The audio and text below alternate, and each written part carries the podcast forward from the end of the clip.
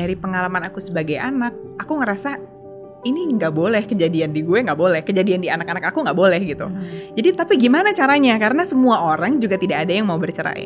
Aku pikir nih kayaknya eh, harus perempuannya cantik dan langsing baru bisa pernikahannya jadi baik.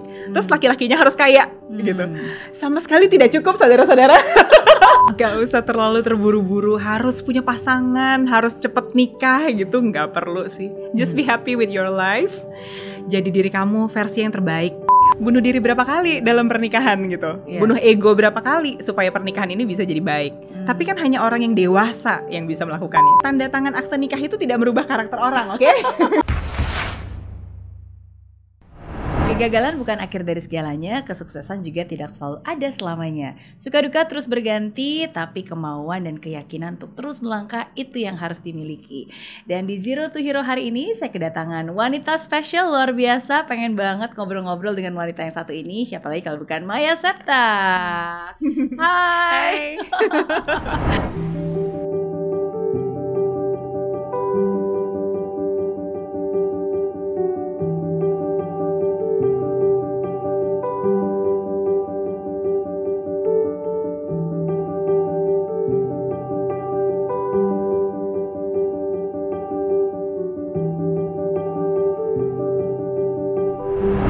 Apa kabar? baik Baik ya, ini eh, nggak nyangka banget karena terakhir kali kita ketemu itu waktu itu di ini talk show. udah lama banget lama banget ya Lama banget kayaknya. Aku ingat waktu itu soalnya aku lagi em, apa keliling untuk promo film Mary Riana. Oh, oke oke Nah, ya, ya, sedangkan ya. kalau itu berarti mungkin sekitar tahun 2014 akhir 2015 berarti. Uh, lama banget ya, iya, udah iya. hampir tujuh tahun ya. Iya, iya. Soalnya aku aja banyak cutinya tuh, karena hamil cuti, hamil cuti gitu beberapa kali. Jadi, wah udah lama-lama banget. udah lama banget ya. Tapi itu itu mungkin salah satu uh, acara yang uh, sempat menaikkan nama Maya di dunia hiburan.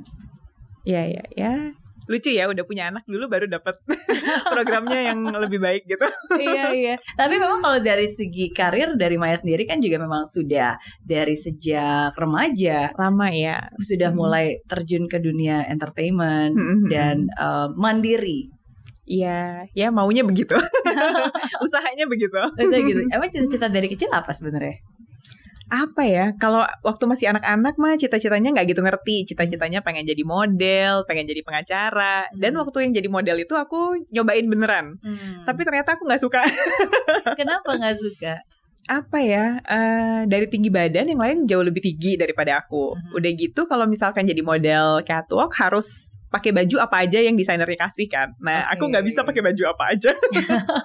jadi zaman dulu itu beraninya di acara televisi aja, fashion show di acara TV gitu waktu SMA. Lebih aman lah ya. Seenggaknya masuk sensor kan, nggak mungkin bajunya terlalu terbuka atau nggak mungkin terlalu aneh banget atau seksi banget gitu. Oke, tapi berarti pernah jadi model juga, jadi uh, pragawati juga pernah, berarti kan Mm-mm. fashion show, um, bintang iklan sudah pasti, Ah, main iya. film juga. Iya, iya. Dari situ kebuka jalan yang lain ya cobain, cobain, cobain gitu. Hmm, jadi presenter juga, pokoknya serba bisa sebenarnya. Aduh, gitu ya. Oke oke, nggak pernah put label gitu sih sebenarnya. Ya Hmm. apa aja yang ada dibukain jalan sama Tuhan ya dicobain gitu. Hmm, Ibaratnya kalau ditaruhin di tangan masa masih nggak mau diambil juga sih gitu. iya, iya. Jadi ya coba semaksimal aja. memaksimalkan apa uh, talenta dan juga kesempatan yang memang Tuhan kasih untuk kita. Ya. Iya, oke. Termasuk salah satunya ini nih. Jadi tadi begitu pertama kali ketemu langsung dikasih satu hal yang spesial. Nah, ini Maya Septa Couture. Couture. Ya. Ini terbaru. Eh, nggak baru juga sih sebenarnya lebih ke waktu pandemi aku tuh nggak bisa diem orangnya jadi waktu nggak syuting terus pandemi nggak boleh pergi ke mana-mana ngapain ya gitu ngapain dong biar ada kegiatan gitu nah inilah kegiatan aku yang positif ini iya, penasaran kan pengen uh, lihat dalamnya apa. Nah, jadi tadi aku dikasih ini uh, spesial banget. Yang pertama ada bando. Iya, iya, iya. Ini ada ceritanya ya kenapa bikin bando ya. Habis Ini kan waktu pandemi itu ke mana-mana aku nggak mandi.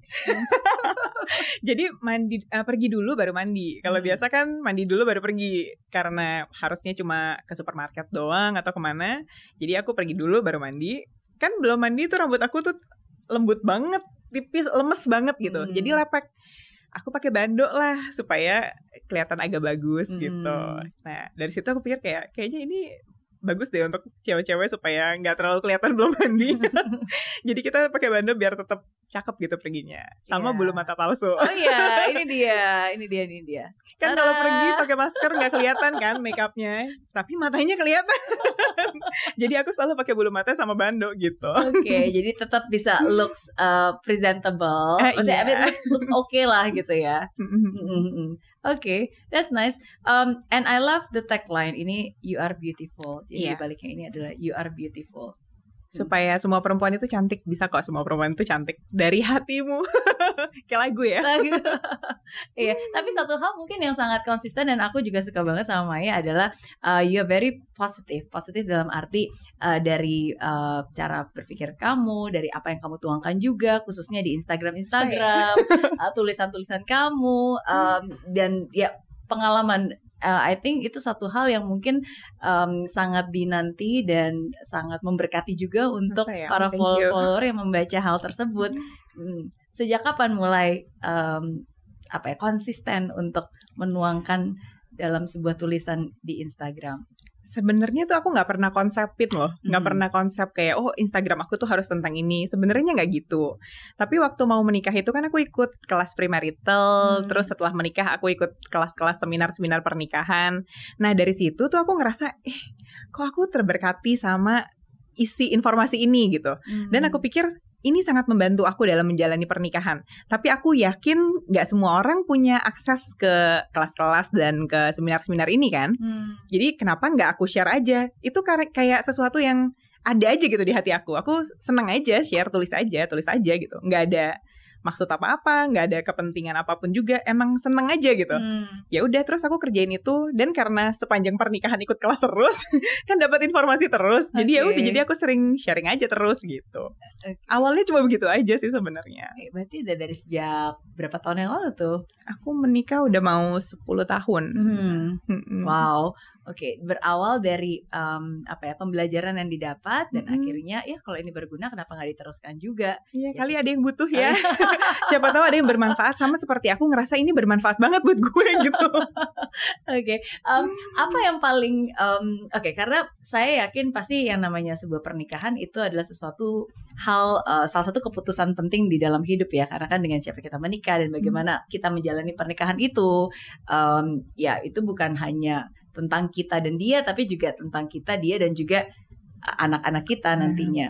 Oke, um, dan uh, saya sempat pernah membaca sebuah um, cerita dan juga ungkapan juga bahwa sebenarnya kalau dari Maya sendiri uh, pernah berkali-kali merasakan broken home Oh, ketika iya, iya. waktu uh, kecil. Mm-mm. Mm, iya, mungkin bisa uh, diceritakan apa yang terjadi dan bagaimana itu mem- mempengaruhi uh, ketika mungkin Maya memutuskan untuk menikah. apa ya mungkin karena dari pengalaman aku sebagai anak aku ngerasa ini nggak boleh kejadian di gue nggak boleh kejadian di anak-anak aku nggak boleh gitu.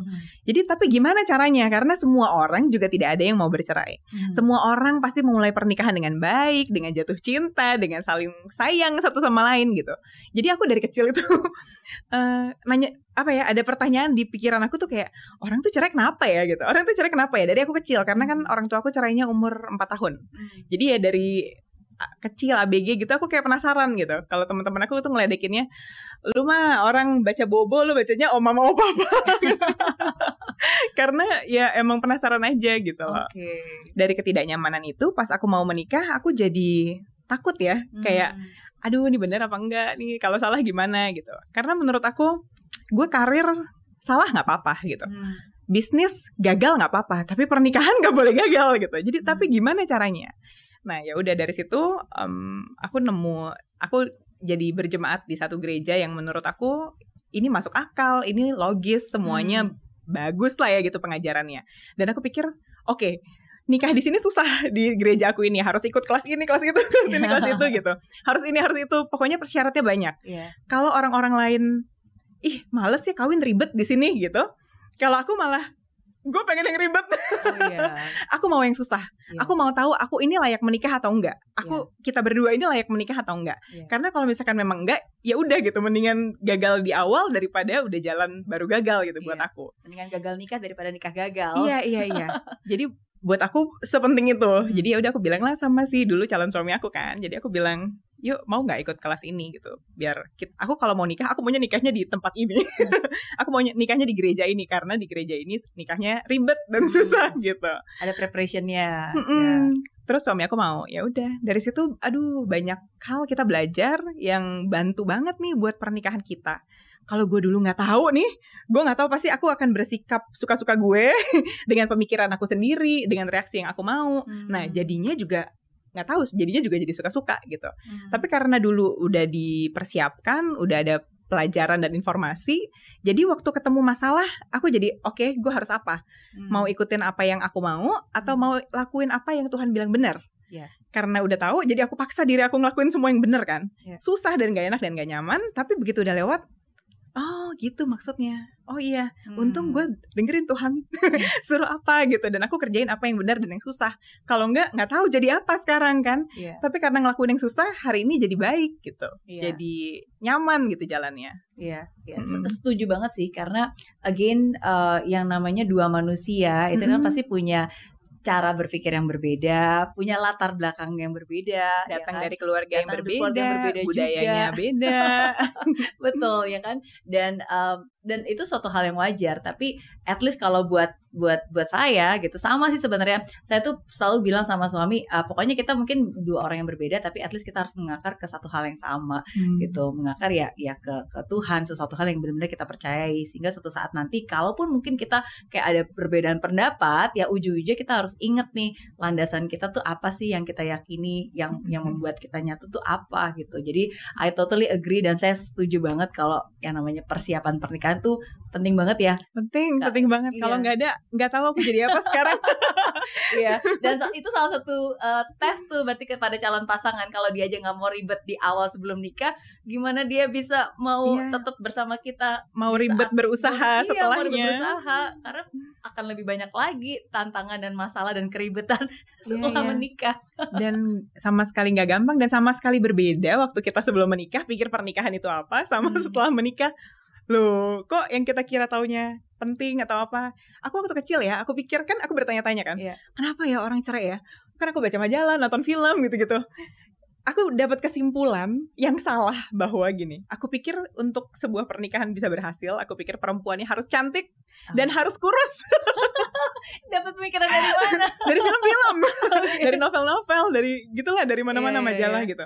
Aku pikir nih kayaknya eh, harus perempuannya cantik dan langsing baru bisa pernikahannya jadi baik terus Hmm. laki-lakinya harus kaya gitu. Hmm. sama sekali tidak cukup saudara-saudara lo mau kurus mau langsing mau kaya ya kalau misalkan sama-sama egois sama-sama Iya. nggak dewasa sama-sama nggak mau gini deh mau secakap apa pun kalau lo nyebelin pasangan lo pasti sebel udah intinya Iya. gitu deh Iya. jadi itu nggak cukup sama sekali nggak cukup. Kalau kamu cantik dan langsing itu hanya membuat kamu enak dilihat aja, Hmm. tapi tidak membuat pernikahan kamu berhasil gitu. Iya, iya. Begitu juga kaya, Dan kaya. kekayaan. Mungkin bikin hidup kamu lebih enak dikit lah ya, nggak susah gitu. Tapi nggak bikin pernikahan kamu berhasil Hmm. juga. Iya, setuju, setuju. Semoga ini yang disiarinkan ini nggak membuat orang jadi takut nikah ya. Eh, eh, Iya, eh. gini. Iya. Aku nggak berharap orang takut nikah, tapi mungkin lebih bijaksana memilih. Setuju. Jangan kalau sekarang kan kayak orang tuh pengen cepet-cepet nikah. Entah Hmm. kenapa ya. Waktu dulu aku belum menikah juga kayaknya wah menikah itu kayaknya eh, kayak goal, Hmm. kayak indah, kayak pasti pasti kayak orang tuh oh udah nikah udah beres nih hidup kayak, gue. kayak perlombaan gitu ya. Iya, Siapa iya. yang Kayak duluan target. sampai kayak target. Hmm. Iya, kayak kayak itu yang mau dicapai gitu. Padahal nggak ada apa-apa setelah itu. Hmm. Kenapa ya gitu? Aku sharing sering banyak hal bahwa pernikahan itu complicated supaya orang lebih banyak mikir kali ya sebelum menikah itu nggak usah diburu-buru gitu karena bukan tujuan loh itu Iya. itu baru awalnya doang gitu Tapi masalahnya kita baru sadar setelah masuk ke dalam pernikahan itu. Hmm. Kalau buat yang belum menikah ya kan Alma kayaknya asisten aku yang belum nikah. iya sama Hmm. produserku juga belum nikah. Iya, kalau belum nikah kan kesannya kayak oh kalau udah menikah tuh kayak udah beres gitu salah Iya. satu problema kehidupan gitu. Padahal itu adalah pintu. Di mana yang lain-lainnya dimulai. Pintu yang membuat kita lebih dewasa. Iya, iya. Tapi dewasanya bersama ya. Iya. Iya. Kalau milihnya orang Kalau yang milihnya dewasa. orang yang Dan dewasa. kalau kitanya bisa bersikap dewasa. Oke. Kalau nggak dewasa jangan nikah deh please. Karena akan sangat susah banget jalannya gitu. Hmm. Oke, eh, ada beberapa nih apa yang saya tanyakan yang menarik dari sharingnya eh, Maya tadi. Yang pertama, em, oke, yang pertama adalah tentang pelajaran eh, pranikahnya tadi. Oke, jadi kan eh, Maya bilang bahwa wah setelah itu banyak banget nih cara berpikir yang berbeda, banyak banget hal-hal yang mungkin dulunya saya pikir begini tapi ternyata berbeda gitu. Eh, apa yang paling eh, apa ya? Paling mengubah yang mungkin mungkin selama bertahun-tahun dulu Maya selalu berpikir oh harusnya seperti ini saya pikir wanita seperti ini saya harus menjadi istri seperti ini tapi ternyata oh berbeda gitu Itu yang tadi yang dulu aku pikir Mhm. untuk pernikahan berhasil itu laki-lakinya harus kaya, perempuannya Oke. harus cantik dan langsing. Padahal itu sama sekali nggak nolong kamu apa-apa. Hmm. ya enak dilihat dikit, lebih enak dikit hidupnya, tapi nggak menjamin keberhasilan pernikahan itu sendiri. Hmm. Pernikahannya cuma bisa berhasil kalau dua-duanya mau sama-sama dewasa, karena pasti akan banyak perbedaan kan. Iya. Pasti ada banyak yang nggak sama nih. Kita maunya apa, saya maunya apa, kamu maunya apa. Hmm. Butuh kedewasaan tingkat dewa Hmm. untuk ninggalin ego kita yang kita maunya apa itu kalau Hmm. itu tidak baik untuk pernikahannya ke depannya berarti ego itu harus dibunuh bunuh diri berapa kali dalam pernikahan gitu Iya. bunuh ego berapa kali supaya pernikahan ini bisa jadi baik Hmm. tapi kan hanya orang yang dewasa yang bisa melakukannya bukan yang kurus bukan yang langsing bukan yang cantik bukan yang kaya Bukan yang kayak yang dewasa yang dewasa Mhm. tanpa kedewasaan ya udah oh gue maunya ini gue nggak mau tahu gue maunya ini kalau misalkan apa ya kalau dalam pernikahan gitu kan kita satu tim Iya. nggak bisa kalau kita satu tim kalau kamu kalah saya kalah Iya. kalau saya menang kamu menang Iya. nggak bisa kamu kalah saya menang Iya. kalau saya maunya menang sendiri tapi pasangannya kalah ya berarti pernikahannya kalah juga Iya.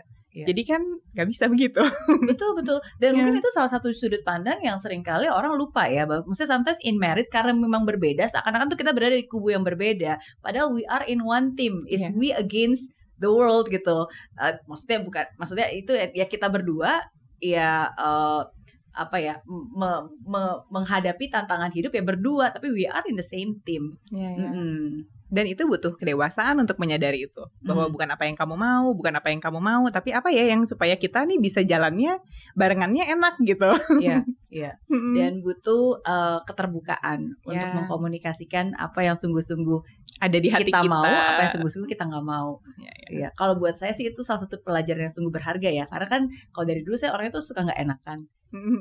Iya iya aku juga tuh. Ya Iya, kan? iya, iya. jadi kalau misalnya ada yang nggak suka ya eh, ya ya udah deh nggak apa-apa gitu. Nah, sedangkan Mm-mm. kalau dari suami saya justru dia bilang nggak boleh. Eh, kalau kamu nggak suka sesuatu atau kamu mau sesuatu you have to tell me gitu. Sometimes kan Oh, kadang-kadang kita sebagai wanita kita pengennya ya dia tahu sendirilah apa yang kita mau, bener nggak? pengennya bisa baca pikiran ya pasangannya pikiran. Iya. itu salah satu yang aku diajarin di kelas premarital Mm-mm. apa-apa bilang Su- Iya. suami kamu istri kamu tidak bisa baca pikiran kamu Betul. jangan disuruh jadi cenayang yang harusnya kamu tahu dong dia mikirnya apa gitu nggak bisa jadi harus belajar apa-apa bilang aja yang saya suka bilang yang Iya. saya nggak suka bilang gitu itu perlu belajar banget juga sih Betul. karena kan kita nggak terbiasa Iya. ngomong dengan gamblang aku suka loh kalau kamu ini aku nggak suka kalau kamu ini gitu Iya. jadi perlu proses belajar juga betul betul dan butuh kedewasaan juga untuk bisa menerima ungkapan itu. iya iya perlu kedewasaan untuk mendengar, perlu Mendengar. kede- kedewasaan untuk bicara tanpa menyerang Oke, bicara tanpa menyerang, iya. ya betul betul ya ya Em, oke ya i- itu itu menurut saya satu hal again em, yang sangat menarik karena kalau dari Maya sendiri yang lebih banyak dicaringkan itu lebih ke ke relationship iya ya Hmm. tanpa sadar iya Oke, jadi eh, sekarang saya ada pertanyaan-pertanyaan santai yang harus dijawab jujur oleh Maya. Tapi tenang aja, ya, pertanyaannya nggak susah kok ya. Oke, jadi yang pertama, kalau lagi berantem sama Krisna, Hmm. eh, sang suami, biasanya curhat ke Oh, uh, ke siapa ya? Ke sahabat. Kalau udah ini biasanya aku jarang ngomong-ngomong sih. Apa hmm. yang bisa diselesain ya diselesain aja gitu sendiri. Tapi kalau misalkan udah apa ya? Uh, perlu perlu di pros ada proses output gitu ke sahabat pasti. Hmm, hmm. oke. Okay. Oke, okay. biasanya kalau berantem berantemin apa? jarang sih aku tuh jarang, jarang banget ya. loh berantem. Orang pada sering nanya kan, "Kak, berantemin apa?" Apa ya? apa ya uh, kita jarang banget berantem karena mungkin suami aku juga orangnya tuh santai banget gitu loh hmm. kayak enggak kan ada orang yang apa-apa marah apa-apa marah gitu suami aku tuh enggak jadi kita jarang ada keributan karena sama-sama oh ya udah nggak apa-apa gitu hmm. kalau yang diributin apa ya apa ya nggak tahu.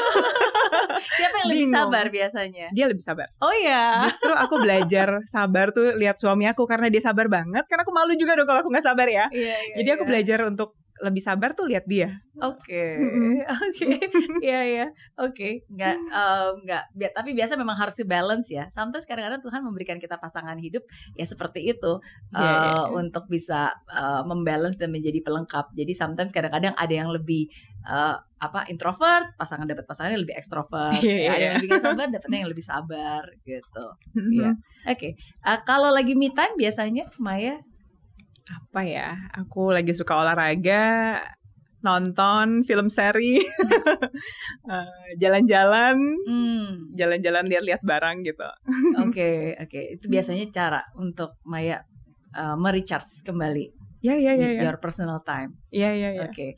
uh, kalau lagi nggak ada job biasanya Maya menghabiskan waktu untuk apa ya jalan-jalan sama anak-anak gitu. ajakin ke mall. Oke oke. Kalau lagi pandemi gimana berarti?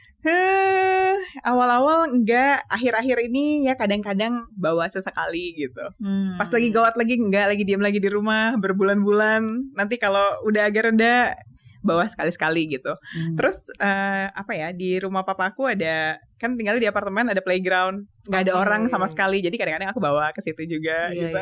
Iya ya, emang emang betul maksudnya dengan keadaan sekarang seperti ini uh, is good especially kalau kita punya anak-anak ya untuk mereka at least yeah. outdoor activities walaupun tetap of course prokes tetap dijaga yeah, gitu. Yeah. Anak aku yang paling kecil tuh baru dua tahunan jadi dia pandemic baby kan kasihan hmm. banget nggak pernah ke tempat bermain gitu-gitu jadi baru baru banget kayak bulan lalu kita bawa ke playground di tempat papaku gitu itu norak banget karena saking di rumah terus kan dia selama hidupnya gitu hmm. beda sama kakak-kakaknya yang udah sempat hidup normal dulu baru kena yeah. pandemi gitu jadi yeah. ya emang perlu keseimbangan sih anak-anak perlu perlu banget iya yeah. dan bukan cuma anaknya untuk ibunya juga sebenarnya kalau ibunya perlu banget juga oke okay. uh, how do you recharge yourself biasanya uh, kalau lagi uh, dimotivated tuh gimana sih cara seorang Maya hmm. mengembalikan kembali semangatnya? Apa ya kalau misalkan lagi down atau kalau lagi kayaknya negatif nih kayak pikiran udah mulai nggak udah ngaco-ngaco nih ya udah ngadi-ngadi nih gitu. Aku nonton podcast, dengerin hmm. dengerin nonton YouTube, YouTube-nya sebenarnya YouTube khotbah gitu. Hmm. Ya, dengerin itu jadi kan dapat oh ya sudut pandang yang baru, dapat pembelajaran yeah. yang baru itu bantu aku sih lebih chill gitu. Iya, yeah, iya. Yeah. Kadang-kadang tuh kita pusing tuh kusut karena kita pikirin sendiri dan kita bermain dengan pikiran kita yang memperparah keadaan iya. kadang-kadang. Padahal sebenarnya nggak seburuk itu. Tapi kalau misalkan kita dengar pandangan baru, sudut pandang baru, kita jadi bisa lihat oh iya ya ngapain gue mikirnya sampai segitu banget padahal nggak gitu-gitu banget gitu. Iya, yeah, itu juga satu hal yang uh, sangat saya syukuri sih di tengah-tengah pandemi ini karena dengan adanya pandemi ini membuat at least kalau buat saya ya membuat saya lebih banyak uh, menonton uh, khotbah-khotbah atau yeah, maksudnya yeah, yeah. maksudnya kita gereja online online atau bahkan hmm. sebenarnya kalau dulu kan kita ibadah ya ya ke satu gereja aja kan atau kita mendengarkan sermon atau khotbah juga mungkin hanya dari satu source aja jarang banget gitu ke tempat-tempat yang lain tapi kan at sekarang dengan adanya teknologi dengan adanya YouTube sebenarnya everyday we can nggak perlu nunggu sampai hari Minggu untuk bisa mendengarkan um, iya, iya. apa ya khotbah seperti itu kan. Bahkan konten aja banyak banget sekarang kan lagi scroll scroll eh kok tiba-tiba masuknya agak ada khotbahnya juga nih. ya lumayan ya dengar dengar sedikit sedikit gitu. Lumayan yeah. bantu juga. Jadi itu satu hal yang juga bisa disyukuri dari banyak hal juga yang pastinya bisa disyukuri di masa-masa pandemi ini. Hmm. Mm -hmm. Oke. Okay. Nah, jadi um, saya ingin berbicara kalau ngomongin tentang Maya mungkin berbicara tentang uh, wanita, berbicara tentang karir juga ya kan dan berbicara tentang rumah tangga. Nah, kalau dari Maya sendiri kan um, sebelum ini memang aktif um, di dunia uh, apa namanya di dunia entertainment, oke? Okay? Dan uh, salah satu hal yang membuat kenapa sih berhenti dari ini talk show waktu itu? kenapa ya? anak aku yang jadi waktu aku masuk pertama kali di ini talk show itu aku udah punya anak. Mm -hmm. Anak aku umurnya enam bulan waktu itu. Terus mm -hmm. aku dapet ini talk show. Jadi aku syuting. Nah, jadi selama anak ini berkembang tuh aku selalu bekerja kan. Mm -hmm. Jadi waktu akhir-akhir aku berhenti itu uh, anak aku tuh udah mulai aku umur, lupa umur berapa dia ya kayak sekitar mau empat gitu. Hmm. dia udah mulai mami mami di rumah aja dong gitu. Mami di rumah aja temenin Devin main gitu gitu loh. Jadi aku tuh sedih gitu. Jadi kayak ini anak mau gue di rumah ya? Oh iya ya gue yeah. gue kerja terus loh selama ini ya gitu walaupun kerjanya cuma empat hari seminggu sih sebetulnya. Tapi mungkin dia ada keinginan aku tuh ada di rumah. Hmm. dia bilang hmm. Dedi aja yang kerja. Dia bilang gitu. Dedi aja yang kerja nanti maninya semua kasih mami. Katanya terus aku bilang oh good idea. Oh, yeah, good idea. What did you talk to that? Uh, terus ya ada satu dan lain hal juga. Terus aku pikir ya deh mungkin aku istirahat dulu deh ya. Aku pikir istirahat beberapa bulan lah gitu untuk di rumah. Eh istirahat tiga bulan aku hamil. Hmm. kan jadi panjang ceritanya. Yeah. Jadi hamil dulu sembilan bulan, ngelahirin dulu beberapa bulan gitu. Jadi jadi kayak berhenti gitu kesannya. Sebenarnya hmm. sih nggak berhenti, istirahat tapi hamil. Hmm. jadi lama. Uh, kangen nggak untuk uh, kembali ke dunia entertainment jadi uh, artis, bawa, bawa acara, kangen sih sebenarnya. itu. Pada akhirnya aku sempat balik lagi sebelum pandemi. Abis hmm. itu pandemi. Terus programnya hmm. udahan. Ya udah gitu. Okay. kangen sih kangen banget. Menurut hmm. aku pekerjaan itu sangat menyenangkan. Dan mungkin aku tipenya nggak bisa diem di rumah 24 jam gitu nggak bisa. Aku tuh tipenya seneng kerja. Hmm. Kayak aku ngerasa lebih hidup sambil aku kerja.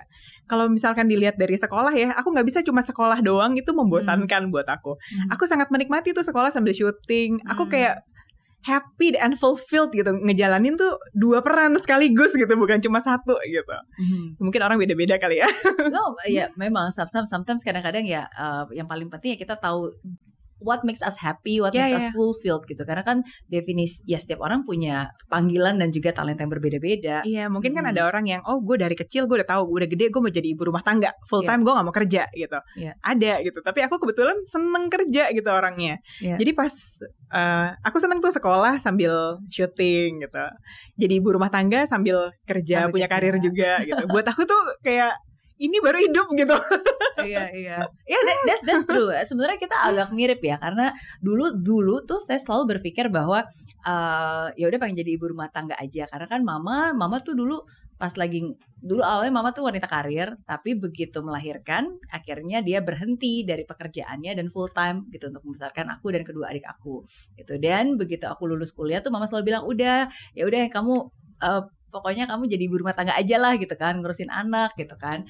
Um, ya tapi kan saya ngerasa kayak bukan saya banget gitu.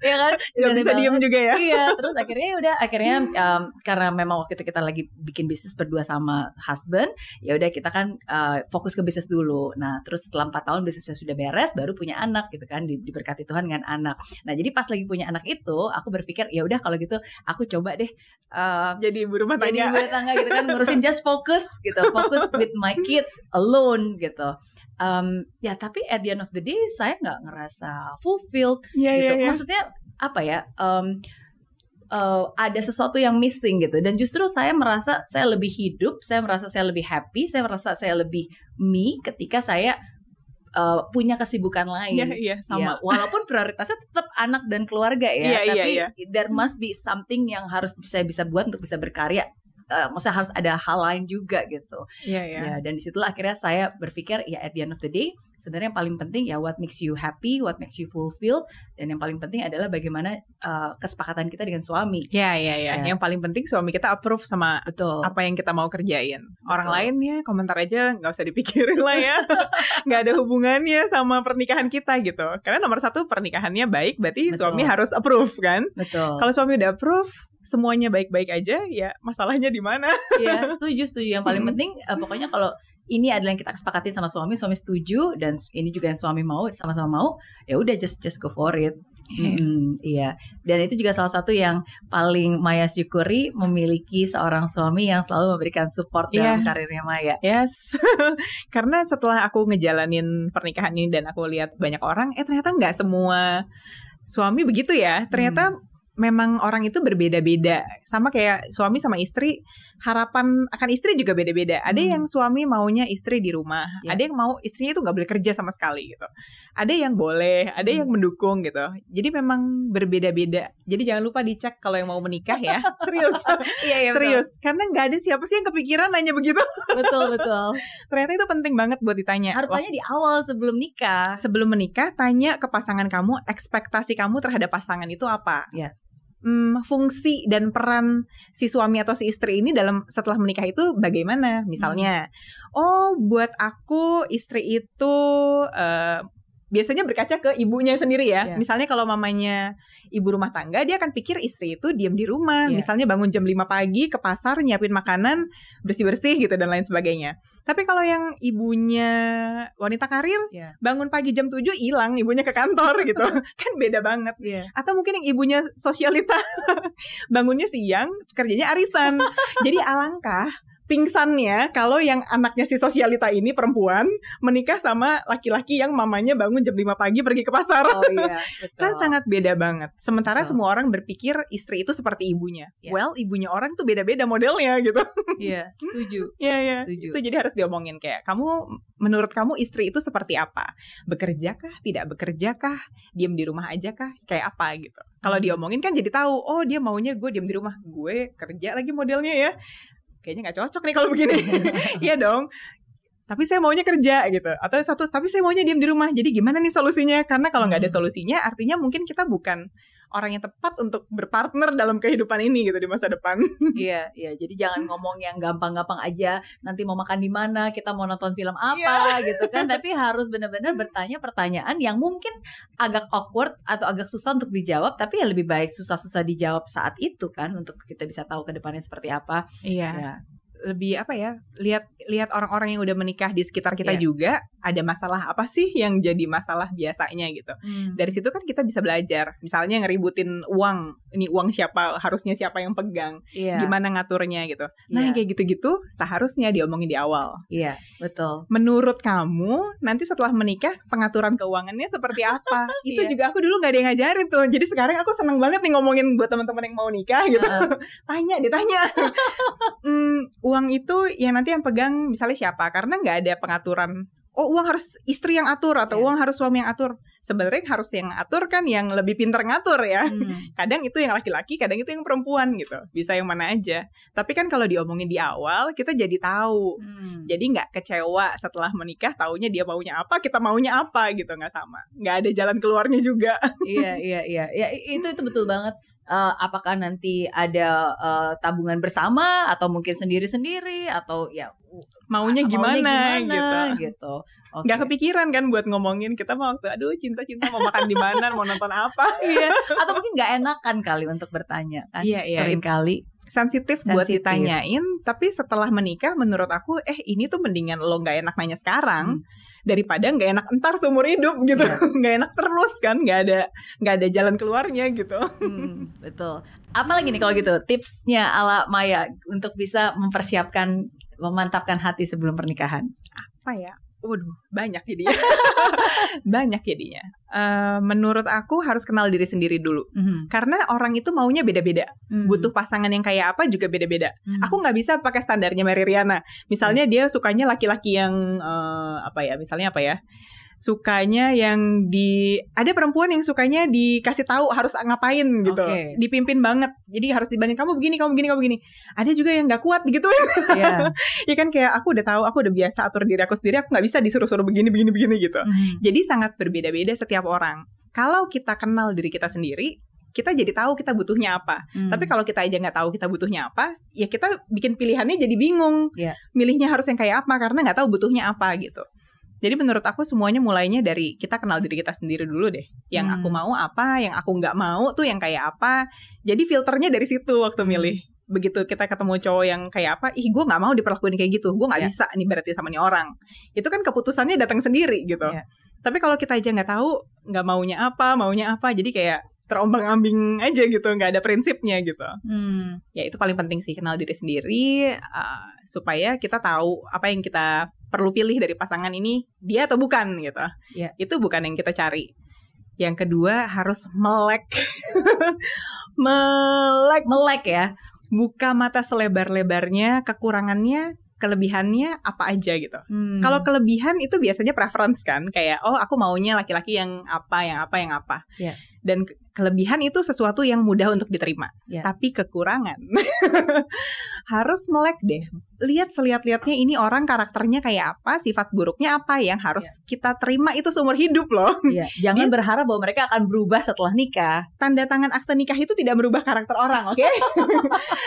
Kamu nikah itu cuma tanda tangan akte nikah. Itu nggak ngerubah apa pun juga sebagaimanapun modelnya dia gitu. Iya. kan kebanyakan nih perempuan-perempuan pasti gini. Nanti pasti kalau sudah menikah dia akan berubah gitu. Itu tuh Iya. pikiran dari mana? itu ide dari mana? Aku nggak tahu. Jadi melek deh, ini orang yang seada-adanya seperti ini, dia seumur hidup akan seterusnya seperti ini. Iya. Eh, kemungkinan besar tambah parah kalau sifat buruk ya. Hmm. Karena gini, kalau dia berubah jadi lebih baik, itu mah nggak usah dipikirin. Iya. Orang pasti enak kok, pasti nyaman buat diterima, nggak usah dipikirin lagi. Tapi kalau dia tidak akan pernah berubah Hmm. selamanya, kemungkinan besar tambah parah. Kamu mau nggak sama dia? Hmm. Karena itu yang mesti dipikirin. Iya. Ke biasanya sih seperti itu gitu. Iya, iya. Dan itu setuju banget. Makanya kalau ada yang bilang cinta itu buta, ya mungkin iya. Makanya nikah itu nggak hanya butuh cinta saja. Kadang-kadang bukan cinta itu buta, tapi lo merem. eh iya nggak? Iya nggak sih? Kalau udah ditunjukin nih, misalnya, ih dia ketahuan Ah, iya, iya, loh chat sama perempuan lain misalnya gitu. Iya, iya. ah enggak dia tuh sebenarnya orang nggak seperti itu. Iya. Denial, sih? Iya. denial. Kita tuh suka nunggu sampai eh, kode ke-30 gitu baru Hmm. Jangan-jangan iya gitu. Ih capek deh. Udah 30 baru Oke. Nah, udah berarti telat. berarti apa batasnya antara eh ya oke, dia nggak sempurna kita terima sama ya ya eh, merem tadi maksudnya. Maksudnya sometimes kan kadang-kadang ya udah tutup sebelah mata deh gitu. Iya iya iya. Ya kan? Mm-mm. Batasnya di diri kita sendiri. Kita Hmm. yang tahu batasnya ada di mana karena batasnya orang tuh beda-beda. Hmm. Yang ini bisa diterima atau enggak ya? Ini keterlaluan atau enggak ya? Kita nggak bisa bilang gimana ya standarnya orang kita nggak bisa pakai. Iya. Ada orang yang biasa ngomong kasar misalnya gitu ya. Jadi kalau orang ngomong kasar sama dia, dia biasa aja karena itu gaya bicaranya dia. Ya. Tapi ada juga yang perempuan yang hatinya lembut. Iya. Seperti emping, aku nggak bisa diomongin kasar, nggak bisa aku. Dibentak gitu nggak bisa aku. Atau ngomongnya kasar kata-katanya gitu, Iya. aku nggak bisa. Hmm. Nah itu kan beda-beda setiap orang. Jadi apakah ini harus diterima atau nggak bisa diterima, itu kita sendiri. Iya, Hmm. nggak bisa pakai standarnya orang. Dia bilang itu bisa diterima, ya itu buat dia. Tapi buat gue nggak bisa ya nggak bisa gitu. Iya, iya, iya. Dan dan dibutuhkan uh, keterbukaan juga untuk bisa memberitahukan ke dia uh, ini loh maksudnya value-nya ini batasan kita ini yang biasanya ya again berkomunikasi lah karena sering kali ya orang lebih banyak berasumsi ya Iya, berpikir ini begini ini is okay padahal sebenarnya ya uh, is- ya komunikasi selalu lebih baik lah daripada membuat asumsi-asumsi. Iya, iya, Mm-mm. apa-apa diomongin aja gitu. Mhm. Terutama kalau misalkan kita punya baggage. Semua Mhm. orang punya baggage loh.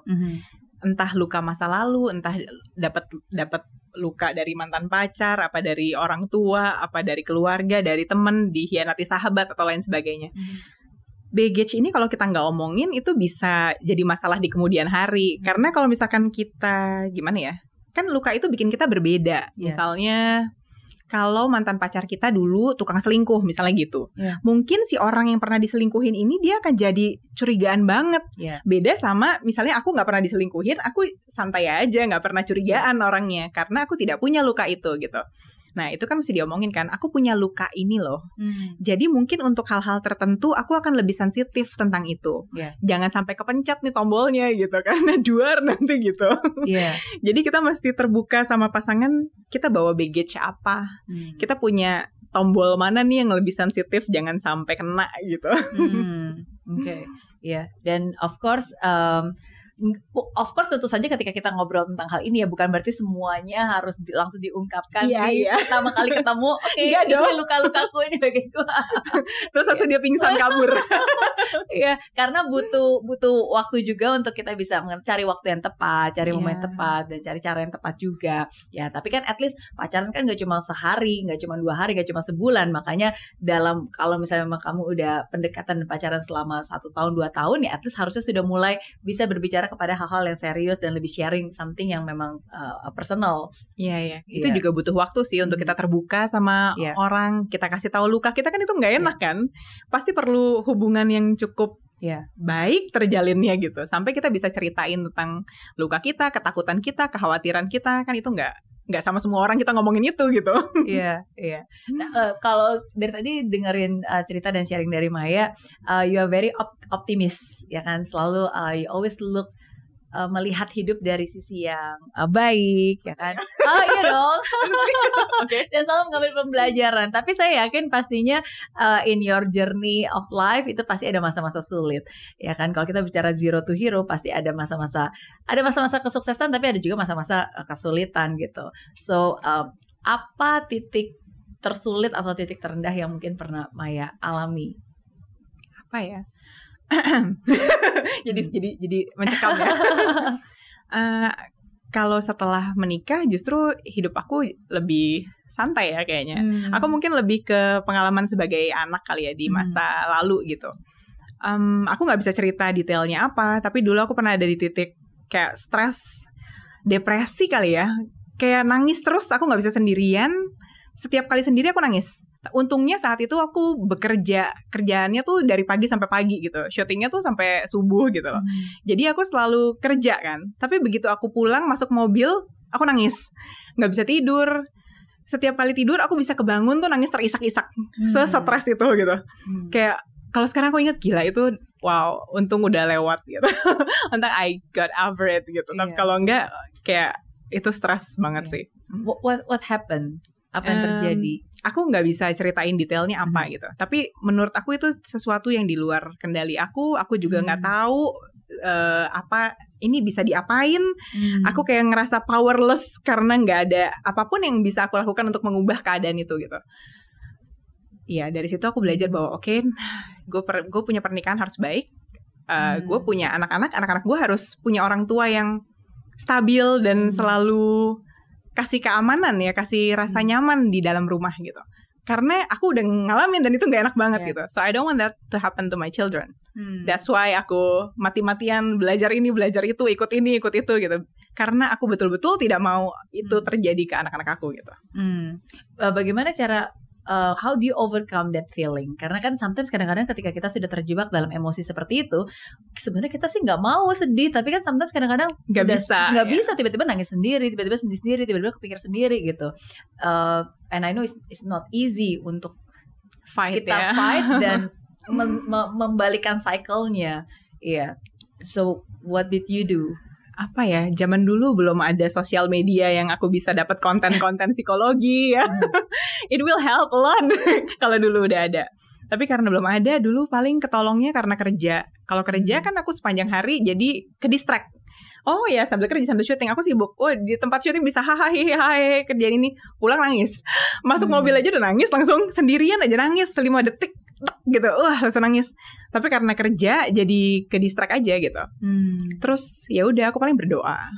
Aku cari aku filter Oke, pokoknya apa pun yang kadang kan kita punya reaksi ya. Aduh, Iya. gue bisa ini, gue pengen ini, gue pengen itu, pengen itu gitu. Oke, aku pilih itu benar atau enggak? Itu Hmm. baik atau enggak? Kalau enggak, so I don't wanna do it. Aku paksa Hmm. diri aku ngelakuin apa yang benar gitu. Yang benar ini I stick to that that thing gitu. Hmm. Aku kerjain apa yang benar gitu. Hmm, ya that's for a long time. Kadang ya kayak dulu, aduh rasanya gue gue pergi aja deh nih dari rumah gue juga bisa kok ngebiayain hidup gue sendiri misalnya Hmm. gitu. Aku juga mandiri secara finansial, aku nggak ada kesulitan untuk hidup sendiri sebenarnya. Tapi aku pikir itu bukan cara yang baik loh. Hmm. Kayak aku hidup selalu mau bikin hidup aku baik. Kan aku udah berusaha selama ini. Kalau gue sekarang kabur dari rumah misalnya atau gue tinggal di luar, rekor gue jadi jelek. Aku pikir gitu. Iya. Jadi aku nggak mau ngerusak apa yang udah aku usahain baik selama ini. jangan sampai jadi berantakan karena satu keputusan gitu. Jadi aku bertahan, ya udah, oke, okay, nggak apa-apa, I endure the pain, gitu. I keep doing the right thing. Aku paksain diri aku ngelakuin apa yang bener sampai itu selesai, sampai itu lewat gitu, sampai hmm. itu berlalu. Aku menikah itu udah jadi musim baru hidup aku. Ya udah. Hmm. uh, jadi aku bisa bangun budaya aku sendiri. Aku bisa bangun apa yang value, apa yang mau aku uh, tekanin di rumah tangga aku gitu-gitu. Hmm. Just keep doing and just keep going and just keep believing gitu. Yeah keep going and keep doing the right thing. And It will help you sometimes. Eventually itu jadi hal yang baik karena kita paksain diri kita ngelakuin apa yang benar, bukan apa yang kayak kadang-kadang kayak spontaneously kita pengen kerjain apa yang yeah. emotional gitu. Itu kan pasti biasanya ujungnya nggak baik gitu. Jadi aku hmm. paksa jangan jangan bikin keputusan yang akan kamu sesali di kemudian hari. Jangan lakukan apa yang nggak baik gitu yang bisa ya ngerusak apa yang udah kamu bangun yeah. selama ini gitu ya udah tetap kerjain apa yang bener aja pertama kali ketemu suami tuh ketemunya di mana sih and how do you know he's the one for you Wah, nggak nggak langsung gitu. oh gitu. Aja. Oh iya. uh, aku ketemu sama suami aku itu di pesta ulang tahun temen waktu SMA. Mm -hmm. Tapi juga kita nggak dikenalin, nggak nggak nggak ada apa-apa nanti happen there. Hmm. dia bilang sih dia naksir dari aku pertama kali lihat tapi kita nggak dikenalin nggak ada apa-apa. Terus ya udah kan aku sama teman-teman SMA aku cewek-cewek kan. Terus kita lagi oh ya foto-foto foto gitu hmm. pakai handphone gitu. Terus tiba-tiba dia muncul di belakang terus aku kayak siapa sih ini? Orang nggak kenal juga. Kayak so SKSD gitu zaman iya. nama SKSD orang lagi foto sama cewek-cewek ada cowok iya. satu nyempil nih apa deh? gitu. Uh, terus udah nggak ada apa-apa. Waktu itu juga aku nggak single gitu jadi udah nggak ada apa-apa nothing happen terus eh pada suatu hari terus aku udah nggak punya pacar bisa bisanya dia message aku di Friendster dong pada oh. masanya. Wow, berarti ketahuan tuh tahun berapa iya. zaman Friendster. zaman aku SMA. Iya. Hmm, terus ya udah dia dia bilang Kenapa lama? Karena dia cari Maya satu-satu itu susah. Wow. kan dia nggak tahu nama aku siapa kan. Yeah. Jadi dia cari Maya satu-satu di Friendster yang mana orangnya gitu, baru bisa message. Udah itu oh, prosesnya panjang banget. Kita pacaran itu jangan ditiru ya. Teman-teman yang nonton aku pacaran tujuh setengah tahun. Oke. Okay. Lama banget. Jadi nggak sama sekali nggak yang aku lihat dia terus I know he's the one. ah, gak ada. itu biasa cuma di film-film iya. ya itu juga kalau bener. Iya. Yeah. Abis kan kalau film ceritanya menikah di end, nggak oh, diceritain yeah. tuh besoknya Setelahnya berantemin gimana? kaos kaki ada di lantai, anduk berantakan, nggak ada.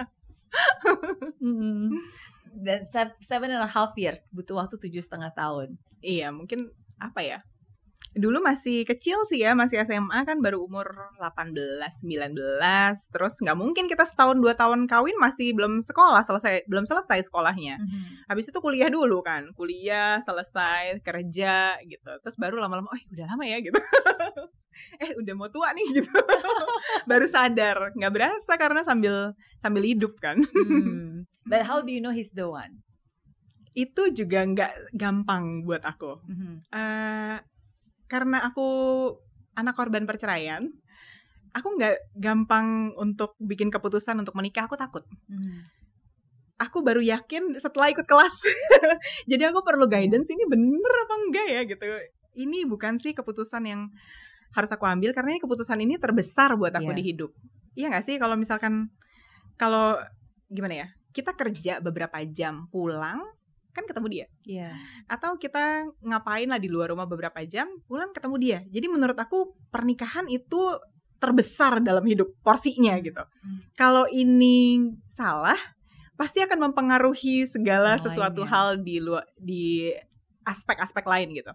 Sama kayak kalau kita kerja sama bos, pernah lihat nggak bosnya berantem sama istrinya, wow dia marah-marah di kantor gitu. Nah, yeah. Segede itu efeknya gitu kan. Yeah. Jadi jangan sampai salah nih. Nah, setelah aku ikut kelas uh, premarital kan dicek-cek kan kayak oh oke okay, apakah dia dewasa misalnya, apakah dia komitmennya cukup ba bagus atau enggak, dia punya hmm. komitmen atau enggak, dia cukup dewasa atau enggak, bisa diajak komunikasi atau enggak. Jadi semua semua yang penting ini pas, pas, hmm. pas, pas, pas. Eh cek cek cek semuanya udah cek, bisa nih berarti. Jadi kayak oh iya ya dari kelas itu baru aku menyadari bahwa ini iya iya iya ini ini bener nih pilihan gue bener kok ini bener kok gitu kalau sebelumnya aku kayak aduh takut salah takut salah ini bener apa enggak nggak Hmm. tahu gitu kan nggak pernah menikah sebelumnya nggak tahu apa yang penting apa gitu Iya. yang kita lihat di TV-TV di film-film di cerita-cerita sama sekali tidak membantu iya, iya. Itu kan gambaran yang memang sesuai dengan yang memang mereka apa tonjolkan kan. Iya. Mm. jadi iya aku yakin setelah aku ikut kelas premarital diingetin apa yang penting untuk aku lihat dalam pernikahan apa yang penting untuk aku perhatiin dari pasangan kamu sebelum kamu pilih jadi pasangan gitu. Dari situ oke kekurangannya ini kelebihannya ini gue bisa terima atau enggak ya? Gue mau Hmm. ambil nggak ya paketnya? Karena kita semua pasti kan nggak sempurna. Mhm. kita ada kekurangannya ada kelebihannya. Satu paket gitu. Jadi aku dulu mikir ini bukan ya paket yang gue mau terima gitu. Ini kekurangan ini bisa nggak? Ini gue seumur hidup nih nggak berubah. Kayak tadi aku ngomong itu Iya. diingetinnya kayak gitu. Pasangan kamu tidak akan pernah berubah kekurangannya dia akan tambah parah. Lo mau terima atau enggak Hmm. mau nggak kamu sama dia dengan keadaan sekarang? Jangan lihat besok dia jadi apa besok kan ada yang oh besok dia jadi dokter nih. Besok dia apa? Karena kita nggak tahu besok itu ada atau enggak gitu. Iya. kamu lihat dia sekarang seada-adanya adanya itu aja gitu. Hmm. Mau atau nggak? enggak Iya, mau atau enggak kekurangannya begini-gini tidak akan pernah berubah. Kemungkinan besar tambah parah. Mau atau enggak? Ya aku mikir mikir mau enggak ya? Gue bisa terima ini apa enggak ya? Gue mau apa enggak ya gitu. Terus udah mikir mikir mikir mikir dengan semua faktor ya udah. Aku terima semua. Tapi itu bantu aku karena aku udah pikir Hmm. oh kekurangannya ini yang akan aku hadapi seumur hidup harus gue tolerir ini. Jadi begitu jalan waktu itu nggak enak rasanya Iya. untuk dijalanin aku bisa bilang ke diri aku sendiri dari dulu aku udah tahu dan aku ambil keputusan bahwa aku mau terima itu Hmm. so I'm do I'm doing my my own consequences gitu Iya. I'm being responsible of my choice of my decision and choices tapi sangat berbeda kalau waktu pacaran nggak dipikirin Iya. belum sempet mikir terus wah kok ini begini kok itu begitu gitu padahal biasanya dari dulu juga orangnya pasti begitu Iya, iya. tapi dulu merem Walau udah dikasih tahu tapi memutuskan untuk tidak memelek gitu Hmm. ya. Ya. Nah, tapi eh, mungkin dari tadi karena gara-gara ngomongin tentang premarital courses apa eh, apa kelas pranikah nih jadi pada penasaran nih kayaknya mau ikut kelas pranikah di mana? Pada pengen ikut nggak kan? ada itu dia. Kelas pranikah aku itu khusus jemaat di Iya, gereja. otomatis kalau bukan jemaat nggak bisa Iya. ikut gitu nggak bisa ambil. Walaupun agamanya sama pun tidak bisa ambil kalau bukan jemaat gitu ya mungkin aku harus bikin yang untuk umum gitu ya untuk umum ya sehingga semua ilmu-ilmunya supaya semua orang bisa dapat informasinya bisa eh, di apa bisa dibagikan dan di-sharekan. Nah, tapi that's exactly what you do every day Iya juga sih. kan dengan eh, posting-postingan Maya juga di sosial media. iya sih kayaknya gitu Iya, iya. Oke. Apa harapan em, em, apa ya untuk membesarkan anak? Karena kan sometimes kadang-kadang dua parents punya ah sorry em, antara suami dan istri kan juga pasti mungkin punya cara yang berbeda. Mm-mm. apa ya?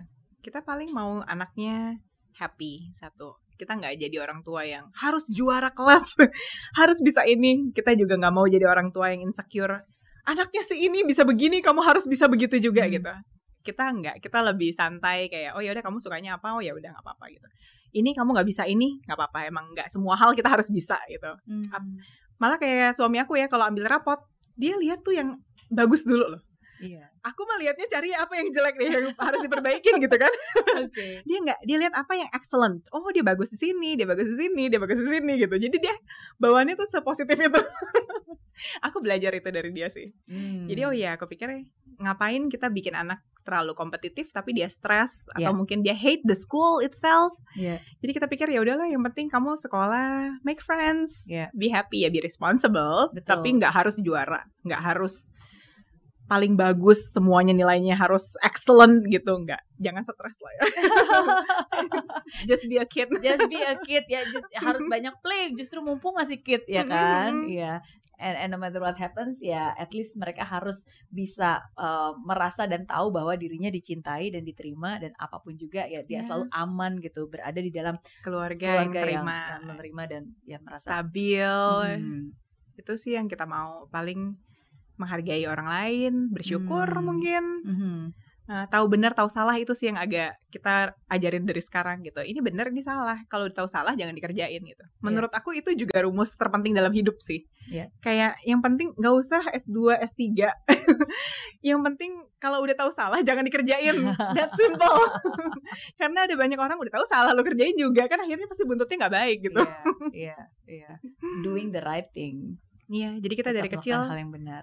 Dari kecil itu salah atau benar gitu aku coba dipikir dulu itu salah atau benar gitu hmm. supaya tahu kalau udah tahu salah tuh jangan dikerjain gitu hmm. yeah.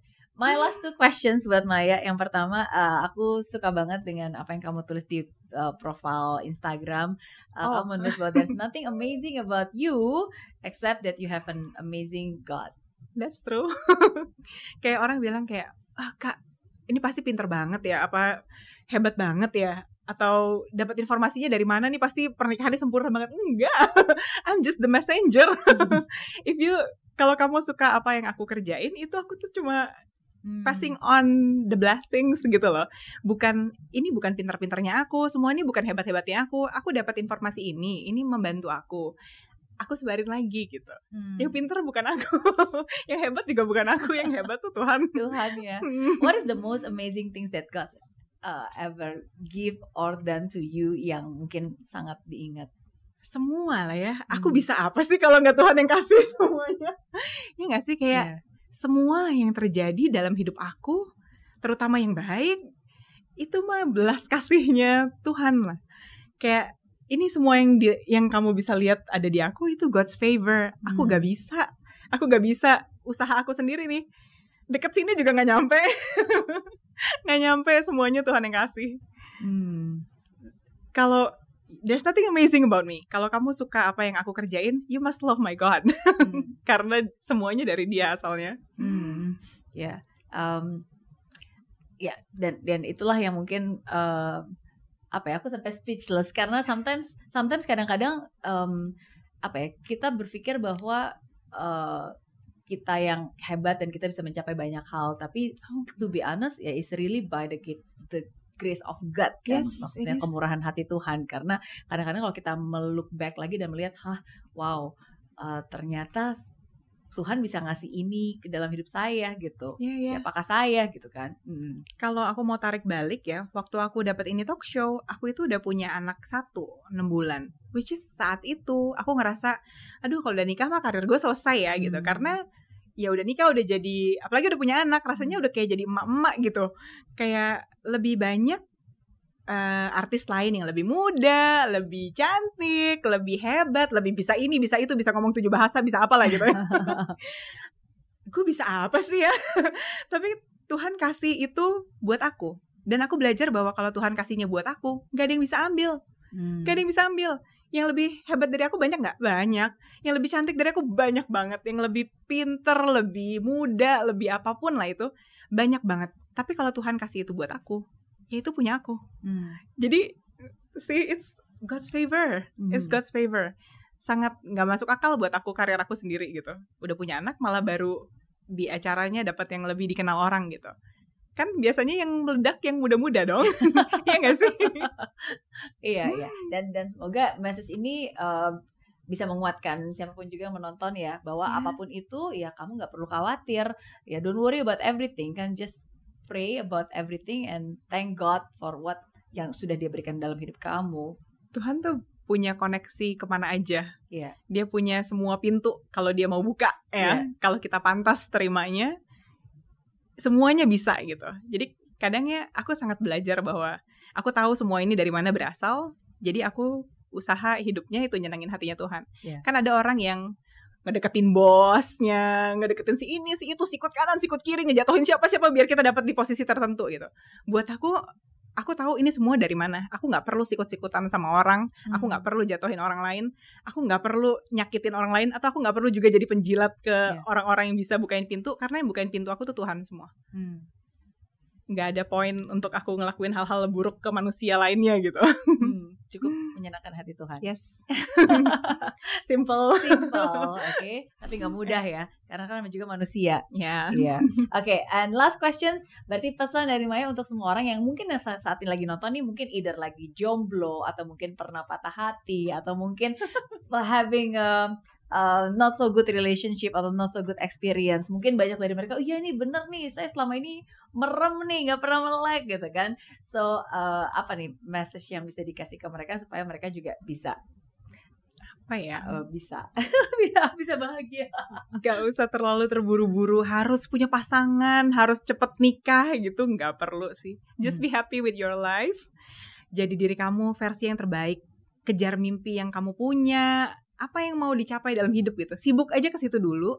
Nanti waktu kita lagi jalan ke arah sana tuh. Kita lihat kanan kiri. Ada orang yang lagi jalannya searah nih sama kita gitu. Iya. Nah, kalau cocok, nah itu dia. itu dia. Iya, iya. Jadi nggak usah dipaksain, oh harus cari ketemu siapa ya apa-apa gitu. Karena nggak bisa dipaksain sih. Tapi Hmm. waktu kita bahagia sama hidup kita sendiri dan kita kalau kita kejar mimpi kita dan itu tercapai gitu kan kita fulfilled kan, kita happy kan. Kita narik orang-orang dengan kualitas yang sama. Oh iya, setuju. Ya nggak sih? Setuju. Kita narik orang-orang dengan vibe yang sama. Iya. Nah, dari situlah kita harus cari pasangannya gitu. Iya, iya. Nengok kanan kiri ada yang searah nggak nih sama kita. Karena kalau jalannya nggak searah juga nggak bisa kan. Setuju, setuju. Banyak orang berpikir dia harus menemukan pasangan dulu baru bisa bahagia, padahal sebenarnya dia harus bahagia dulu baru dia bisa Dan menemukan cari orang pasangan yang tepat. yang bahagia juga sama hidupnya. Baru kalian berdua bisa bahagia bersama. Iya gak sih? Kalau kita nggak bahagia, kita punya pacar pun Iya. kita nggak akan pernah bahagia juga. Setuju. Malah kita jadi membebankan kebahagiaan kita ke pasangan. Harusnya dia beginiin gue, harusnya dia perlakuin aku seperti ini, seperti itu. Jadi berat kan gitu. Iya. Tapi kalau kita udah happy sama diri kita sendiri, kita cari orang yang happy juga sama diri dia sendiri, Iya. baru kita bisa happy berdua. Setuju, setuju. Karena hidup ini aja udah tidak mudah ya. Oke, so thank you sekali lagi buat Maya udah berbagi banyak hal ya dan apalagi tadi udah langsung dikasih hadiah aku juga punya hadiah spesial buat Maya Oh ini dia karena hari ini kita berbicara tentang cinta and relationship so this is for you Oh, Mary Liana itu? Little Book of Love Thank you, thank you. Wow, Little Book of Love. Iya. ini terbaru baru fresh belum dirilis Oh, wow. Uh, so you're one of the first few who got it semoga bisa bermanfaat Thank dan you. semoga bisa uh, berguna Thank you, thank you, thank you, thank you. Iya, ditunggu nih. Sebenarnya Maya Septa harus bikin buku juga. Pasti udah banyak deh yang minta. Bener nggak? Iya, tapi aku bingung mau nulis apa. Kan udah ada tuh semua tulisannya di Instagram. Gitu ya. Iya, aku tuh kalau misalkan nulis kan se kepikirannya aja. Jadi begitu kalau harus dikomitmenin jadi satu buku, apa ya yang ditulis aku bingung. Oke, iya ya pasti aku aku percaya suatu saat nanti pasti uh, akan ada ada buku dari Maya Septa. doain ya, doain ya. Amin, amin. Thank you sekali lagi Thank buat you. semuanya sukses juga buat kalian semua yang penasaran juga pengen bisa ke Instagramnya Mbak Ada Maya. di Instagram at Maya Septa Couture. Mhm. Tulisannya kayak Nah, gini. Maya Septa tulisannya. Yes, oke. Dan ke YouTube ada. Aku gak ada YouTube. Oke, langsung aja ke Instagramnya aja dan di situ bisa dapetin banyak banget insight-insight dan juga pembelajaran-pembelajaran yang berharga. Ya. Sama-sama. So thank you sekali lagi dan saya percaya setiap orang punya cerita dan setiap cerita pasti selalu membawa pelajaran berharga. Semoga cerita dari Maya Septa hari ini bisa membawa pelajaran berharga buat kalian semua. Apa pun yang terjadi, tetap semangat, fight till the end, and never give up. Bye-bye. Bye. Ya,